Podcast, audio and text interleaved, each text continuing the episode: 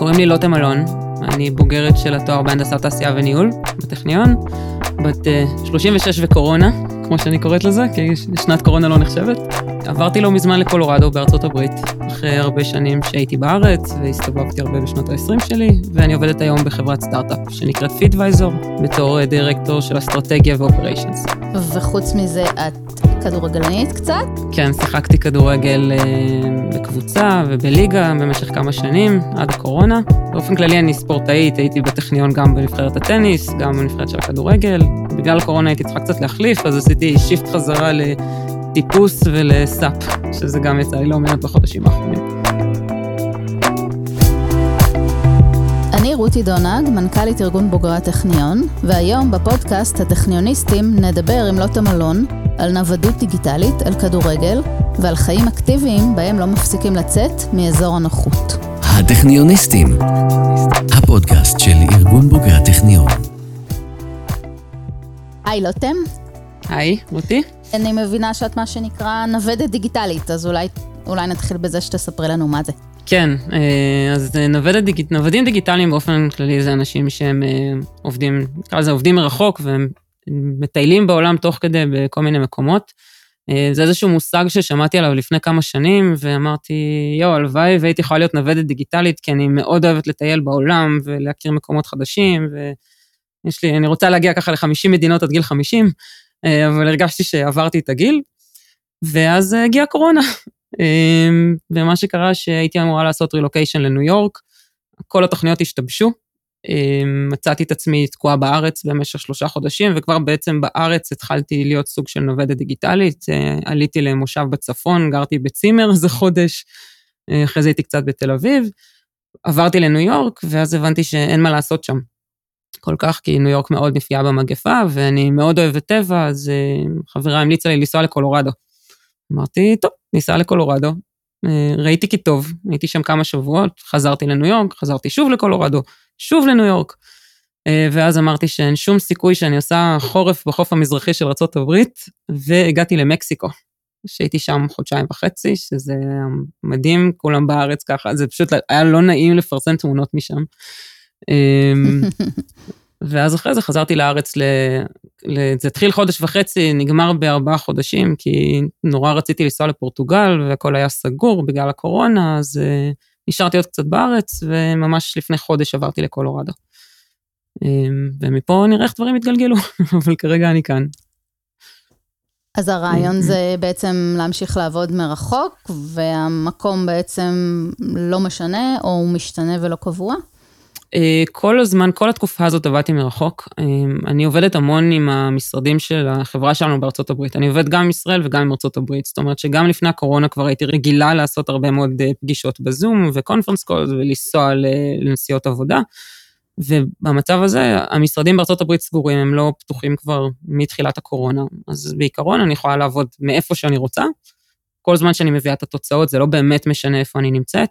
אה, אני מתאימה את שעות העבודה שלי לשעות העבודה שיהיה לי גם את ישראל וגם את ארה"ב, וזה אפילו נהיה איזה משהו מגניב כזה, ששואלים איפה לוטים נמצאת היום בעולם. זה כאילו רואים את זה לפי הרקע של הזום. זה באמת לא משהו שחשבתי שיקרה, זה, הקורונה עשתה את זה, אבל אה, לא ראיתי אז שבתוך כל משבר יש הזדמנות. ממש חיפשתי את ההזדמנויות בתוך המשברים, ופשוט התגלגלתי עם זה. ואני לא יודעת מה יהיה קדימה, כן? זה נגיד פורטוגל, שזה מקום שנורא רציתי להגיע לשם, עוד לא ויתרתי על זה.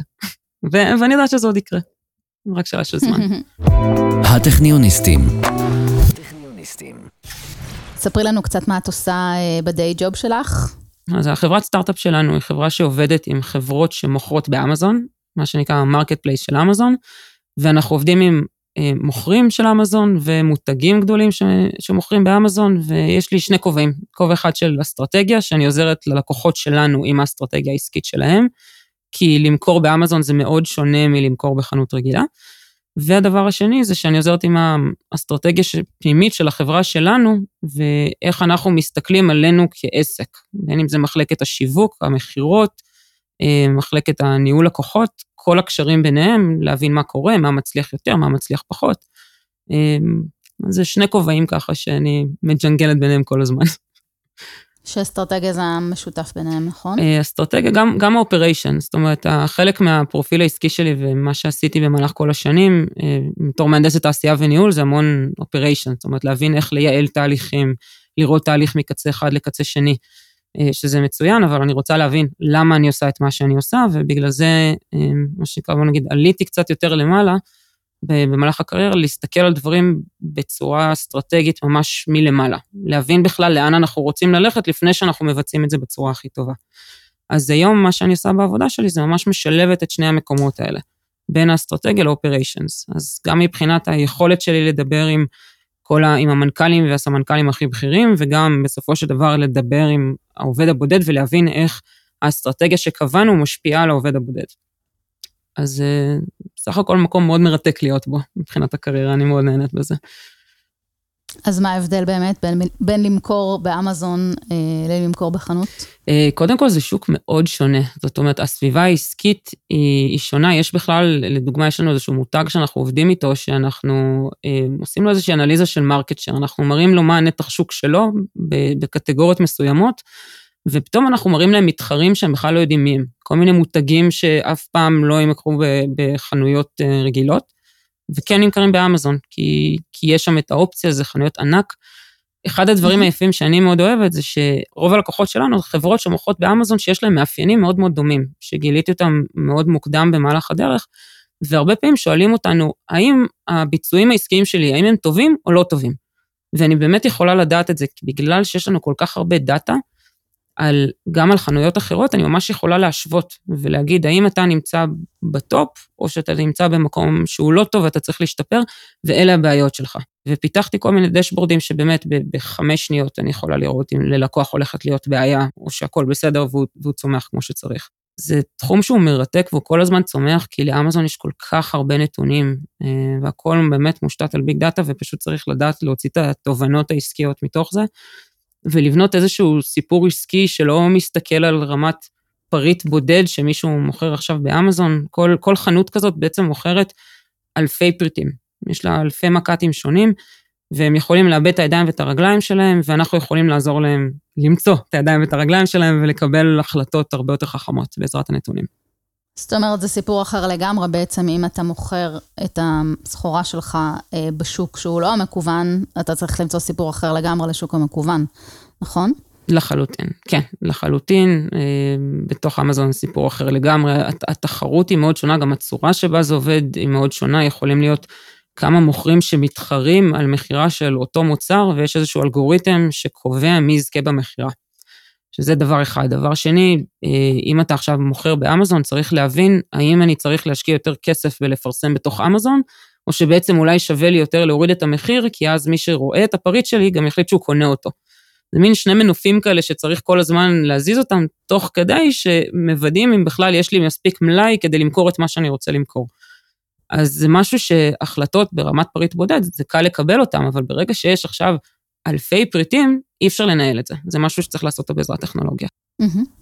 אני אשמח אם ככה נחזור טיפה אחורה, ותספרי לנו איך בכלל הגעת אה, לתחום של אה, ייעוץ אסטרטגי. כן, זה באמת אחד היפים. אה, אז קודם כל, הנדסת עשייה וניהול, אני חושבת שהרבה פעמים זה למי שטוב במספרים וטוב עם אנשים, ואין לו מושג מה הוא רוצה לעשות עם עצמו. הגדרה יפה. זה, ככה התחלתי את התואר. דרך אגב, השנה הראשונה הייתה מאוד קשה, לא הבנתי מה אני עושה שם בכלל. רק אחרי זה זה השתפר פתאום לכיוונים שאני יותר אהבתי, גם בחרתי ללמוד במגמת כלכלה. עשיתי חילופי סטודנטים בקרנגי מלון, תמיד אני אומרת שזה התחיל בסמסטר, נגמר בשנה וחודשיים. כי השלמתי עוד סמסטר, ואחרי זה עשיתי internship בסן דייגו בשנה של המשבר של 2009. ותוך כדי החילופי סטודנטים שם נחשפתי לעולם של ייעוץ אסטרטגי. ומאוד מאוד אהבתי את זה. זה גם, שוב, העניין הזה של אה, לפתור בעיות עסקיות, אני משהו, לא יודעת, יש לי איזשהו משהו בעניין של מספרים ו- וראש עסקי ככה מגיל מאוד מאוד צעיר. יש אפילו איזה וידאו בגיל שמונה שאני אומרת שאני רוצה להיות אשת עסקים כשאני אהיה גדולה. וממש רציתי, רציתי להגיע למקום הזה, רציתי להגיע לחברות הייעוץ הכי טובות בעולם, שיש אה, שלוש כאלה, וניסיתי בפעם הראשונה ולא הצלחתי. ואז הבנתי שאני צריכה לשפר את הפרופיל העסקי, ממש להשתפר מבחינת היכולות ולשפר את הפרופיל. עבדתי שנה וחצי ב-HP בניהול פרויקטים, ואז החלטתי לעשות MBA. אה, עכשיו, ידעתי שאני רוצה לעשות MBA בחו"ל, זה נקרא full time MBA, זאת אומרת, זה רק לימודים, כמו בטכניון של לומדים כל הזמן, גם ב-MBA זה ככה. אבל לא רציתי ארצות הברית, כי בתואר הראשון זה כבר היה לי, אז רציתי אה, באירופה, שזה יותר קרוב לארץ. אה, רציתי בספרד, כי רציתי לשפר את הספרדית. אחרי הטיול בדרום אמריקה ממש התאהבתי בתרבות הלטינית. ורציתי מזג אוויר טוב, כי גם הייתי קצת בטראומה מחורף בארצות הברית, שאני לא זכרתי שלושה חודשים מהחיים שלי בערך. ו... והגעתי לברצלונה, לבית ספר שהרגשתי שמאוד התאים לי, 170 איש מ-45 מדינות, זאת אומרת היום בערך כל מדינה שתגידי לי לעבוד איתה, אני, אני פחות או יותר מבינה עם איזה סוג של בן אדם אני הולכת לעבוד ואיך הוא מתקשר. ותוך כדי נורא רציתי להגיע לייעוץ אסטרטגי, וזאת הייתה המטרה שלי ממש לפני זה, להגיע לעבוד בחברה שנקראת BCG בתל אביב, ובמהלך התואר גם עשיתי אינטרנשיפ בגרמניה, בייעוץ אסטרטגי, ואחרי התואר הצלחתי להתקבל לחברת BCG. אז ממש ככה, מה שרציתי לפני ה-MBA זה מה שקרה אחרי זה. הגעתי לחברת BCG ושם זה היה מרתק, כן, הם הפכו אותי למקצוענית, וזה היה גם מאוד מאוד קשה, זאת אומרת, יודעים שזה מין שנתיים כאלה שאני נשואה לעבודה שלי, עובדת 16 שעות ביום בכיף ולפעמים גם יותר מזה, נוסעת לכל מיני מקומות לפרויקטים, אבל זה באמת הפך אותי למקצוענית. ואחרי המקום הזה אה, אמרתי, אוקיי, שנייה, אבל אני לא רוצה להיות רק באסטרטגיה, ואני לא רוצה להיות רק באופריישנס. ואני צריכה הפסקה, כי כבר הייתי שרופה מנטלית אחרי עשר שנים של אה, מרדפים ככה מהתואר הראשון, ולקחתי הפסקה של כמה חודשים מהחיים. אחרי זה, אחד הלקוחות שלנו, הציעו לי תפקיד שם.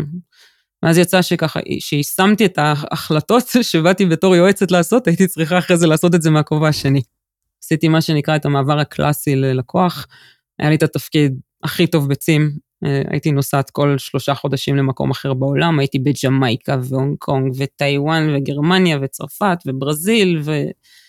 שזה באמת היה מדהים, אה, חברה מרתקת דרך אגב, זו התעשייה הכי מרתקת והכי מורכבת שנתקלתי בה, אבל גרתי בגבעתיים בזמנו והעבודה הייתה בחיפה וחיפשתי משהו אחר. הייתי צריכה איזשהו קצב באמצע, BCG זה היה קצב משוגע, צים הרגיש לי קצת קצב איטי מדי, ורציתי להיכנס לסטארט-אפ. ממש הגדרתי מה אני רוצה. זאת אומרת, במקום לחכות שהדברים יבואו אליי, אמרתי, אני לא רוצה להתחיל לעבוד לפני עשר בבוקר, אני רוצה לעבוד בסביבה שהיא בינלאומית, שיהיו לי נסיעות עסקיות לחו"ל. ממש הגדרתי את כל הדברים האלה, ואז... וזה גם קרה. זה קרה, כן. כי בעצם כשקיבלתי הצעות להתראיין גם בכל מיני מקומות, זה שאלות שהייתי שואלת אותן, ואני זוכרת שהלכתי להתראיין באיזשהו בנק גדול. שאלתי אותם, תגידו, יהיה נסיעות לחו"ל? אמרו לי, לא. אמרתי, טוב, תודה. כאילו זה, כי, נורא חשוב לי אפשר לבוא בעשר? סתעריב. תשמעי, אני, אני לא טיפוס בוקר, אני עכשיו מתחילה לעבוד בשבע לפנות בוקר, זה לא, זה קצת, מאוד מאוד קשה לי הדבר הזה. ו, ופשוט באתי, אני זוכרת, באתי לדבר עם מישהו, לקבל ממנו עצת קריירה. אה, הוא היה אחד האנשים הבכירים בסטארט-אפ, ופשוט לא, בלי שום כוונה, אמרתי לו, תשמע, אני רוצה להיכנס לעולם הסטארט-אפים, אני באה מחברות גדולות, אני רואה שיש לי בעיה, לא משנה שעבדתי בחברת ייעוץ אה, אחת הטובות בעולם ו-MBA וכל הרזומה היפה הזה שאני מביאה איתי, אומרים לי, אין לך ניסיון בסטארט-אפים. ותוך כדי שדיברנו, הוא פשוט בא ואמר לי, תשמעי, יש לי רעיון, אני רוצה להיות מסוגל לעשות consulting ללקוחות שלנו במסות. האם אפשר לעשות את זה?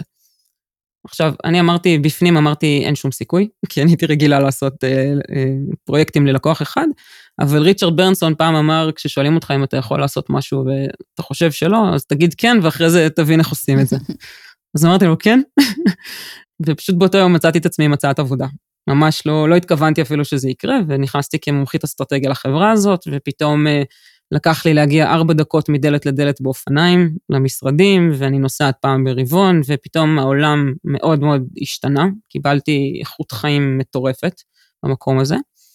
וגם מבחינת העבודה בסטארט-אפים, שאנשים ממש המון פעמים חושבים שעובדים מאוד מאוד קשה, אז זה נכון, יש, בוא נגיד, יש הרבה יותר מחויבות, אבל זה לא שאני עובדת עכשיו 14 שעות ביום.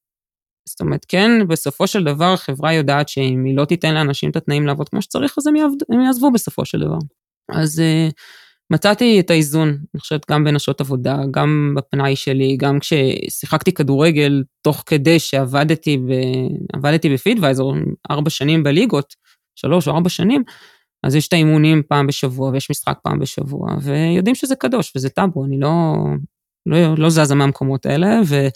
תמיד אני אומרת שאני מכניסה גם קצת ביזנס לפלז'ר שלי, אז אה, נסיעות עסקיות ככה, אני לפעמים ככה תופרת על הדרך עוד איזה טיול למקום אחר, אה, מכניסה את זה לפעמים גם באותו כרטיס. אז אה, זה, זה מסתדר טוב. ואת יודעת, יש את הצד השני, שאם אני צריכה עכשיו, קורה פעם ב... שאני צריכה לעלות לשיחה בשתיים בלילה עם קוריאה, אז אני עולה לשיחה בשתיים בלילה עם קוריאה. זה, זה חלק מהקח מה, ותן של, של המקום הזה של הגמישות. טוב, נשמע שהיו פה כמה טיפים לסטודנטים ולסטודנטיות, אני מקווה שהם ערניים, ואם לא, אז אנחנו אה, נחזור לזה גם בסוף. דיברנו על כדורגל, אז רציתי לשאול אותך על כדורגל, איך זה התחיל? אה, האמת שזה התחיל מגיל אפס, אני חושבת שאפשר להגיד שנולדתי עם כדור ביד. ושיחקתי כדורגל בתור ילדה קטנה, אה, גדלתי בירושלים, לא היו קבוצות כדורגל לבנות, וכל הזמן שיחקתי עם בנים, וזה היה מאוד קשה. להיות בת שמשחקת כדורגל, זה היה מאוד קשה. עד שבגיל 11 אה, וחצי גם אני נשברתי. יש לי אחות תאומה דרך אגב, היא שיחקה כדורסל הרבה שנים. היא נשברה עם הכדורגל כמה שנים לפניי ועברה וואו. לכדורסל. אמ, אני שחקנית מעולה, היא פשוט רואה את הסל, מסתכלת, קולעת. ו... ועברתי לטניס. אמ, שיחקתי טניס הרבה שנים, והייתי מאוד טובה בטניס זוגות, והרבה פעמים לא הבנתי למה, אבל פשוט אה, יותר מאוחר הבנתי שזה בגלל שאני שחקנית צוות, אני צריכה צוות, לעבוד בשביל הצוות, ו... ביחידים לא הייתי טובה, בזוגות אה, ככה הבאנו מדליות לטכניון. המאמן שלי עד היום מתחרט על זה שהוא אמר שאם נביא מדליה נקבל ציון של 100, כי קיבלתי 103 שנים ברציפות. ואז הכדורגל, אז חברה אמרה לי, תקשיב, אני משחקת כדורגל בקבוצת בנות, אם את רוצה. לא ולא, ולא היה לי זמן, כי עבדתי ב-BCG, ואז פתאום כשלקחתי את ההפסקה הזאת מהחיים, פתאום היה לי זמן, והלכתי לאימון הראשון. פשוט נדלקתי על זה. זה, זה באמת, זה, חוויה אחרת לגמרי, פתאום הרגשתי שאני שייכת מהמקום שאני משחקת כדורגל וזה בסדר, ואני כמו כולם, אין את הפערים הפיזיים האלה, ואני יכולה להשתפר ואני טובה במה שאני עושה, והבנות שם נהיו כמו משפחה. הייתי, הייתי הולכת לאימון כדורגל, תכלס היינו באות לאימון לא בשביל האימון, אלא בשביל הקפה של אחר כך. וגם מה שעברנו בליגה, הצטרפנו לליגה, וזה מלמד המון. קודם כל, אני, אני שוערת, אה, הם גילו את זה כשהייתי פצועה יום אחד, לא רציתי שיגלו, אבל גילו את זה. ומאז לא נתנו לי לצאת מהשאר. אמ, ולהיות שוערת את צריכה להיות, אה, צריכה קצת משוגעת, כאילו, זה להתאבד על הכדור ולא מעניין אותי, אתם לא תכניסו לי גול. אז הייתי צריכה להיות גם חדה בטירוף, וראיתי שזה גם מאוד עוזר לי בעבודה, החדות הזאת. והמשכתי עם הקבוצה, המשכנו ממש אותם בנות, ארבע שנים, הן באמת נהיו חברות טובות. ואחרי ארבע שנים גם כבר הייתי כזה על, הגבול של כן לעשות רילוקיישן לניו יורק, לא לעשות, עד שהחלטתי שכן, אז כאילו בסוף, את יודעת, ככה תמה לתקופה. אבל זה נתן לי כל כך הרבה, כי פתאום הרגשתי שאני יכולה להיות מי שאני. שזה, במדינה כמו ישראל זה, זה לא היה לי פשוט לגדול להיות בת שאוהבת כדורגל ואוהבת ספורט ואוהבת טיולים, וזה הגיע עם המון סטיגמות. אה, שזה דרך אגב, כשהגעתי לקולורדו פעם ראשונה, פתאום אני נמצאת שם במקום שנקרא בולדר. הולכת ככה בחוץ עם הסנדלי שורש, וזה נראית כמו כולם, הכל בסדר, אני לא שונה מאף אחד. שומעים שאני משחקת כדורגל, אה, איזה יופי. כאילו, אין פה איזה משהו, אה, אין פה משהו מיוחד. כולם פה עושים ספורט, מטפסים, כאילו, אני דווקא מרגישה לא בכושר יחסית לכולם. הרגשתי הרבה יותר טוב במקום הזה, הרגשתי הרבה יותר שאני יכולה להיות אני. מעניין אם אה, השתנה משהו בשנים האחרונות, האמת שלא יודעת להגיד. בכדורגל זה משתנה, זה יותר, אבל זה עדיין מאוד חריג. זאת אומרת, אה. את תגידי שאת משחקת כדורגל, זה יבוא עם ערימות של סטיגמות. כל העניין של התקציבים, זה פשוט בושה וחרפה התקצוב שכדורגל נשים מקבל בישראל, ו... והעסקנות שהרבה פעמים שולטת שם, כי באמת יש נשים מדהימות, גם אנשים, כן, ש... שמנסים להצעיד את הענף הזה קדימה, ו... וזה נותן כל כך הרבה לחיים, אני פשוט ראיתי מה, מה שזה נתן לי גם מבחינת הספורט הקבוצתי הזה, העניין הזה של להיכשל ולדעת לקום, אה, זה כל כך חשוב לחיים האמיתיים שאחר כך, ואני מבחינתי, כל ילדה שתרצה לשחק כדורגל, אני, אני רוצה להיות המודל שלה שאפשר וזה טוב וזה בסדר, כי זה לא היה לי כשהייתי ילדה. וזה היה לי מאוד חסר. מדהים. יש איזשהו מחקר על זה שיש קשר בין ספורט מקצועני להגעה לתפקידי ניהול אצל נשים. מכירה את זה? שמעתי על זה, כן. אני לא מתפלאת בכלל. למה? תסבירי.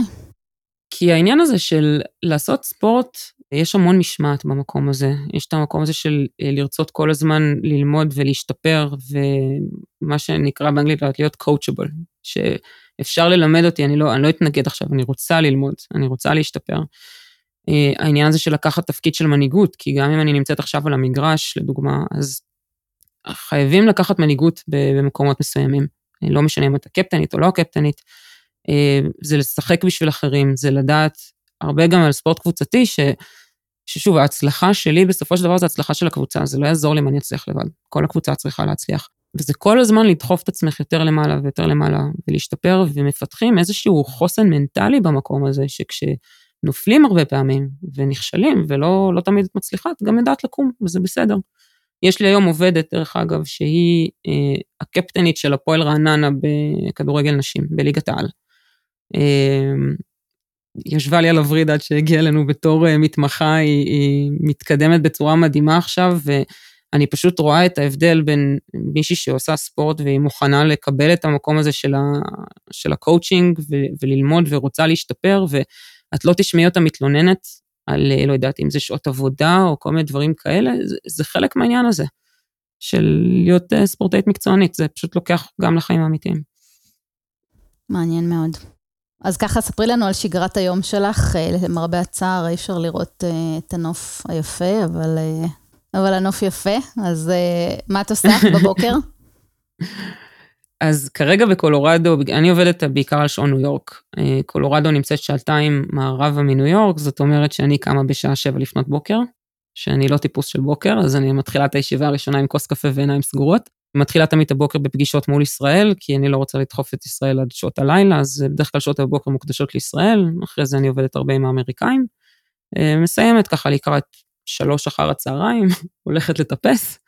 אה, לפעמים גם הולכת אה, לטייל מסביב, אבל פתאום יש את כל היום, שזה משהו שהוא שונה לחלוטין משגרת החיים שלי בישראל. אה, כשהייתי עכשיו בישראל, בתל אביב, והייתי קמה בבוקר, אם הייתי מצליחה לקום בבוקר, הולכת לעשות סאפ. לוקחת את הזמן, מתחילה לעבוד ככה באיזה 12 בצהריים, ומסיימת ב-9 בערב, 9-10 בערב. לפעמים לוקחת גם שיחות, גם יכול ב-12 בלילה. אה, אז זו שגרה מאוד מאוד שונה. זה תלוי איפה אני נמצאת בעולם, זה תלוי מה שעות עבודה שלי, ואז את התחביבים שלי, אני מתאימה גם לדברים האלה. אבל זה מאוד חשוב לי לשמור על האיזון הזה בין בית לעבודה. וזה מתאפשר בחו"ל יותר מאשר בארץ? למה בעצם? אני חושבת, קודם כל, יש, בחו"ל יש יותר יעילות של עבודה. מה שאני ראיתי, אנשים באים לעבוד, הם, הם עובדים. עובדים מהבוקר עד אחת צהריים, הם לפעמים גם אוכלים את הארוחת צהריים שלהם בשולחן, לא שאני ממליצה על דבר כזה, אבל הם, הם עובדים, הם לא מבזבזים את הזמן. בישראל, אה, באים בבוקר, ובואו נשתה את הקפה, ואז תחשוב מה נזמין לארוחת צהריים, ואז אחרי זה עוד קפה, ושיחות מסדרון, ו, וגם כי צריך, לה, הרבה פעמים בישראל צריך להתאים את עצמנו בסופו של דבר לארצות הברית. אז אין ברירה, אז הכל תמיד יימשך לשעות יותר מאוחרות. אז זה גם אחד הדברים שהבנתי אותם, שלא משנה מה אני אעשה, זה יימשך לשעות מאוחרות, אז פשוט אני אתחיל יותר מאוחר. כן. אז את ממליצה להיות נוודים דיגיטליים? אה, צריך אופי לזה. אני חושבת כמות האי-ודאות והבלת"מים שהתמודדתי איתם בשנה וחצי האחרונות, זה פשוט לא הגיוני, באמת. זה, כולנו עברנו את זה עם הקורונה, את, את הבלת"מים ואי-ודאות. אצלי אני חושבת שזה פשוט אה, גדל פי עשרה. בוא נגיד, בתור אחת שאין לה ילדים, כן, אני מדברת על, על המקום נטול משפחות שאני מורידה בפניהם את הכובע. זה להגיע למקום חדש לגמרי, ומאוד מהר צריך לנסות להבין מי נגד מי ומה קורה. ועם הזמן מאוד השתפרתי בזה. אה, גם באריזות, שזה סיוט. לנווט בשנת קורונה זה בכלל, זה כל הזמן הקבלת החלטות, זה גם האם יהיה בית חולים קרוב אם משהו חס וחלילה יקרה. או האם אני, אני רציתי מאוד חיים בחוץ, לא רציתי חיים בפנים בגלל הקורונה, אז לבחור את המקומות שאני אהיה בהם בגלל זה. אה, צריך לחשוב על אינטרנט, כאילו כל הדברים האלה של סביבת עבודה שבסופו של דבר אפשר לעבוד בה. זה נגיד סיבה שנורא רציתי לנסוע לקוסטה ריקה ובסוף החלטתי שלא. אז כל הזמן צריך ככה להיות גמישים מסביב, וגם, ותוכניות לא הולכות. הנה, ניסיתי להגיע לפורטוגל שלושה חודשים ולא הצלחתי, זה פשוט לא היה הגיוני לעשות את זה. מצד שני, החוויות שמקבלים בדרך והדברים שאני ראיתי בשנה וחצי האחרונות, שבעצם זה לא עלה לי ימי חופש. זה לא, הייתי מקסימום עושה סוף שבוע ארוך עכשיו, של לוקחת יום חופש, סוף שבוע של שלושה ימים, נוסעת לאיזשהו מקום, כי גם ככה אני כבר שם, אני כבר במקסיקו. אז, אז אני מקבלת את המקום הזה שאני צריכה. אה, מצליחה לפתח שגרה תוך כדי, נגיד, התחלתי לרקוד סלסה כשהייתי עכשיו במקסיקו, אה, שזה היה נורא משעשע, המורה מאוד, אה, מאוד אהב את זה שגם שחקתי כדורגל. אז אה, להצליח להגיע למקום חדש ולפתח איזושהי שגרה, זה משהו שעם הזמן אני עושה אותו הרבה יותר מהר. נגיד, הנה עכשיו הגעתי לקולורדו, תוך יומיים כבר מנוי לחדר כושר, יש לי עכשיו אוטו, דברים שפעם היה לוקח לי חודש וחצי להבין בכלל מה קורה, ואז כבר עד שהבנתי מה אני רוצה לעשות, כבר רוב הזמן הלך. אבל באמת, זה, זה חוויות והרפתקאות שמי שרוצה לנסות לעשות דבר כזה, אני באמת באמת ממליצה, כמו ש...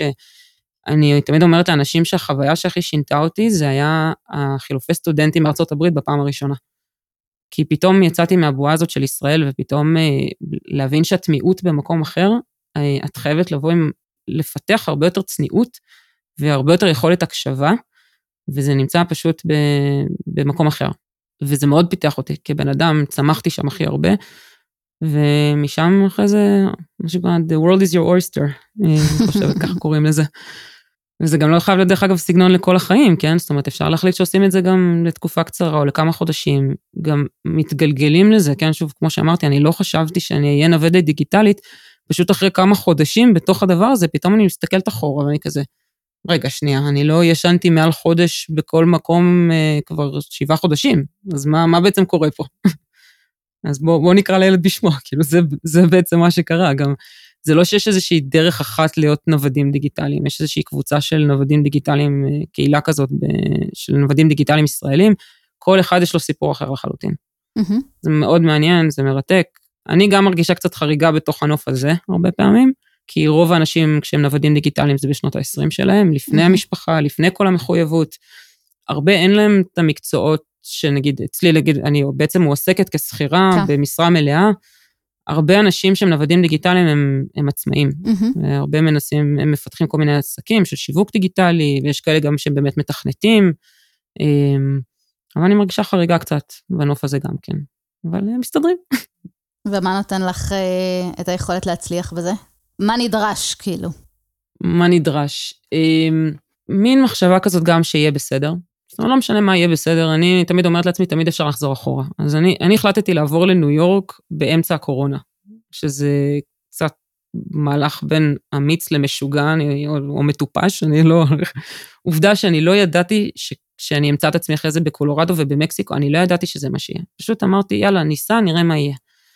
ואז אה, מתגלגלים במקומות האלה. אה, גם הרבה מהדרך הזאת עשיתי עם השותף שלי לדירה, אז היה לי הרבה יותר קל לא לעשות את זה לבד. אני חושבת שגם כאישה, אה, לנווד לבד זה הרבה יותר מפחיד, ואני מאוד משתדלת לנהל את הסיכונים שלי. אז זה מאוד הקל עליי שחלק גדול מהמסע הזה עשיתי עם השותף לדירה. ובארץ עשיתי את זה הרבה יותר לבד, אבל בחו"ל זה יותר עם השותף שלי. ואני חושבת זה, זה לדעת לאלתר, זה כאילו לדעת שדברים הולכים להשתבש. יש איזשהו משהו במוכנות הזאת, שדברים הולכים להשתבש, דברים הולכים לקחת זמן. שזה קצת מרגיע, כי את יודעת שזה ישתבש, אז את לא מתכננת ל-best case scenario, ו... וגם לפעמים אולי להוריד קצת את רמ... סטנדרט החיים אם צריך, אפשר גם להעלות אותו, כן? כאילו גם במקסיקו, את יודעת, מעלים אותו, זה תלוי איפה את נמצאת. ואני מתכננת המון את התקציב שלי מסביב לזה. זאת אומרת, זה לא שאני נוסעת ויאללה בבאללה יהיה מה שיהיה. אז יש את התכנון מסביב לזה לפני זה, של האם המקום עצמו הולך להתאים לסגנון החיים שהייתי רוצה שיהיה לי. נשמע מדהים. אני מקווה שזה ענה על השאלה. עצות לסטודנטית המתחילה או לסטודנט. הטכני אני יודעת שהוא קשה תוך כדי, אבל באמת שבסופו של דבר אני חושב שזה משתלם.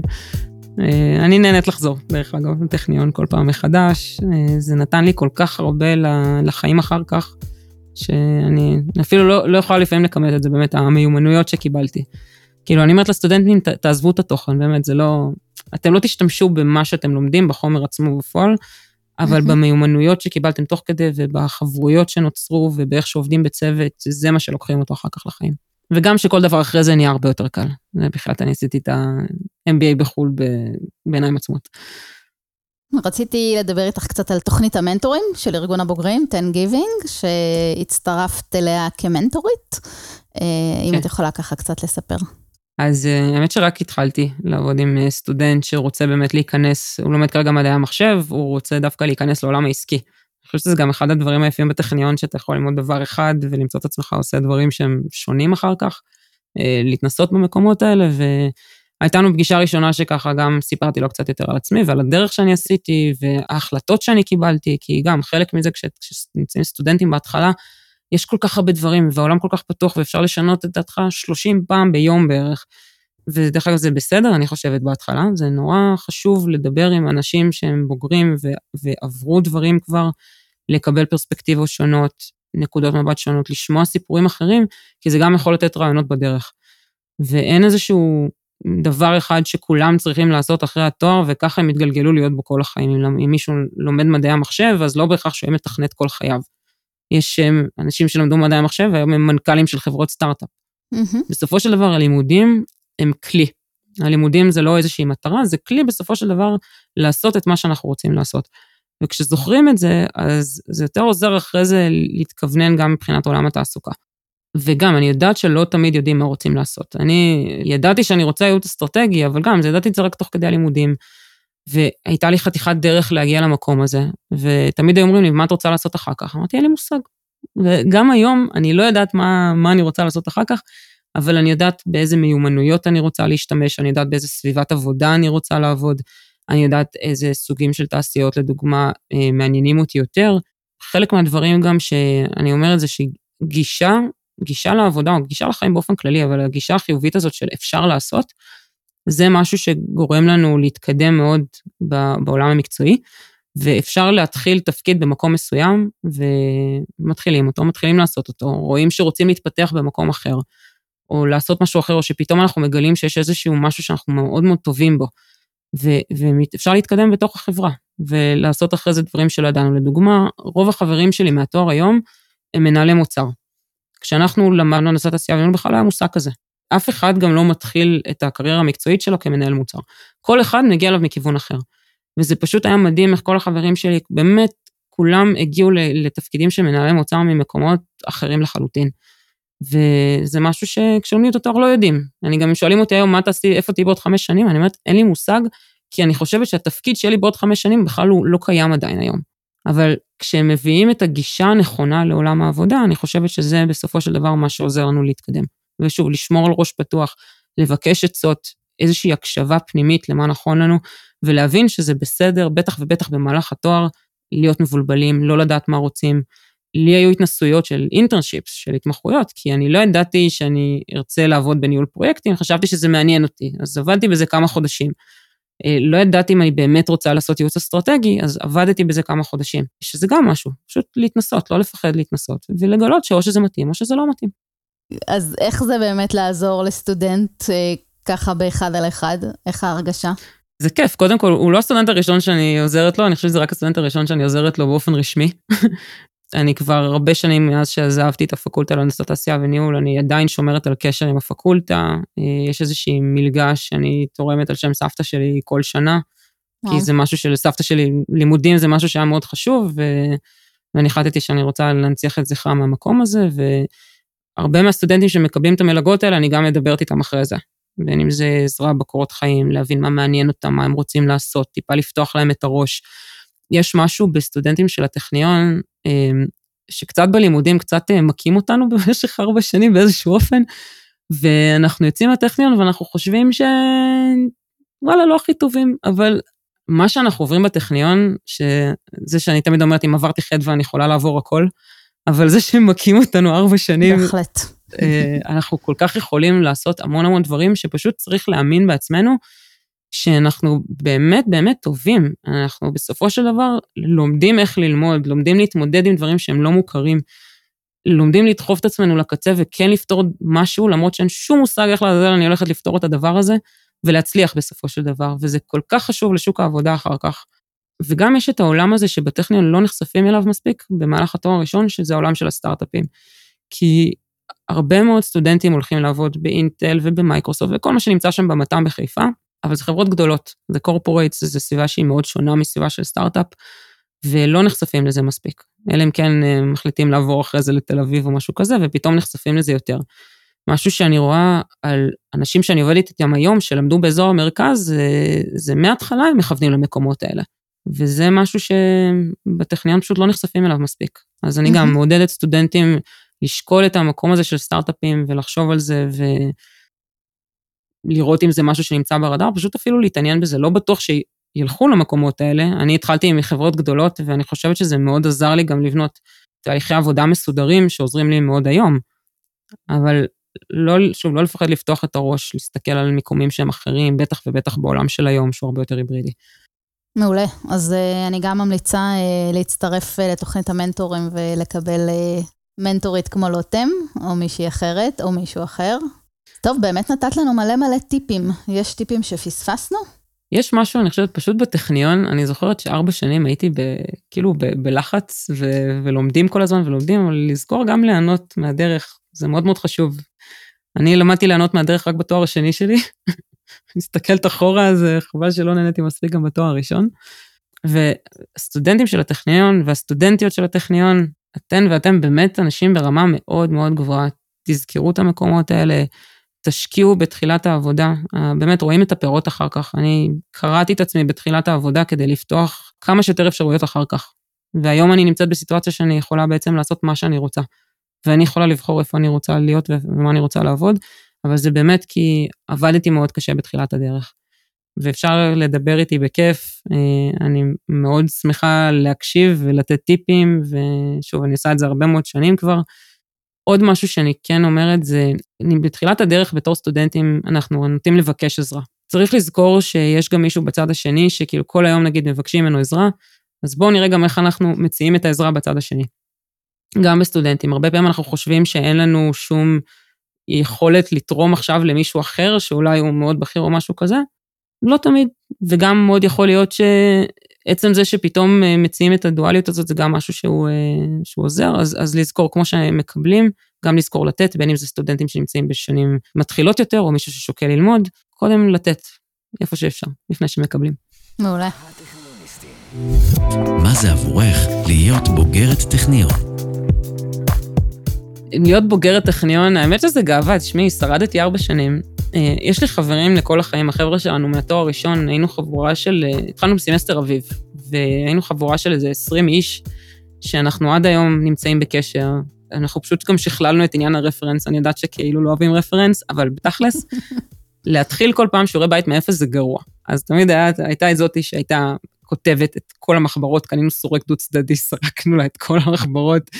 אה, היה מישהו שתמיד היה מכין שיעורי בית ראשון, מפיץ את זה לכולם, ופשוט היו בונים על זה ובונים ובונים.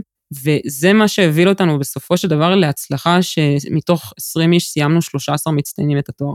וואו. אני, כן, אני, אני בחיים לא הייתי מסיימת את התואר הזה כמו שסיימתי אותו, עם לולא החברים שלי מהתואר הראשון.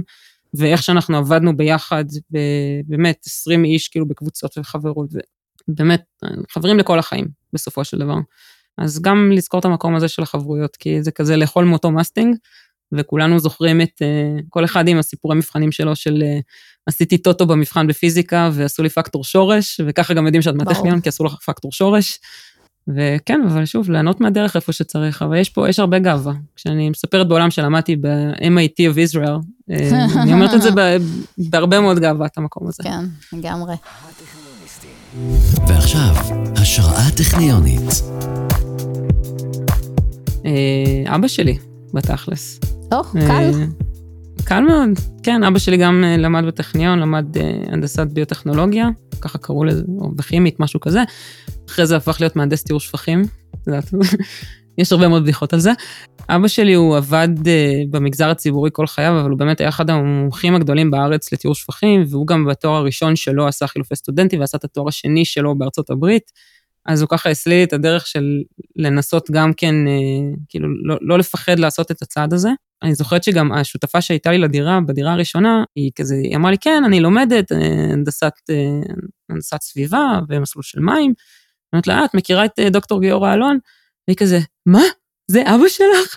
לא יכול להיות, אני לא מאמינה, הוא בא, מרצה לי, ואחרי זה מרכיב אצלי רהיטים של איקאה בבית. כאילו זה, הוא דמות אה, מאוד, מאוד מוערכת אה, שהייתה אז, כן, זה היה כיף לראות את זה, כי אבא שלי בן אדם מאוד צנוע, אז מאחרים לדעת שהוא כזה מומחה, זה כיף. אז תודה רבה, לוטם, היה מרתק. תודה רבה, רותי, על ההזדמנות. אנחנו נתראה בישראל, אני מקווה. או שתבואי לקולורדו, גם פה כיף. זה גם אופציה. ותודה לכן ולכם על ההאזנה. אנחנו הטכניוניסטים, הפודקאסט של ארגון בוגרי הטכניון. תוכלו למצוא אותנו ביישומוני הסטרימינג וההסכתים, ספוטיפיי, גוגל, אפל, דיזר ועוד. שם אפשר להאזין לכל הפרקים ולהירשם לקבל עדכונים על פרקים חדשים. אם גם אתם רוצים להשתתף בפודקאסט שלנו, צרו איתנו קשר דרך האתר של ארגון בוגרי הטכניון.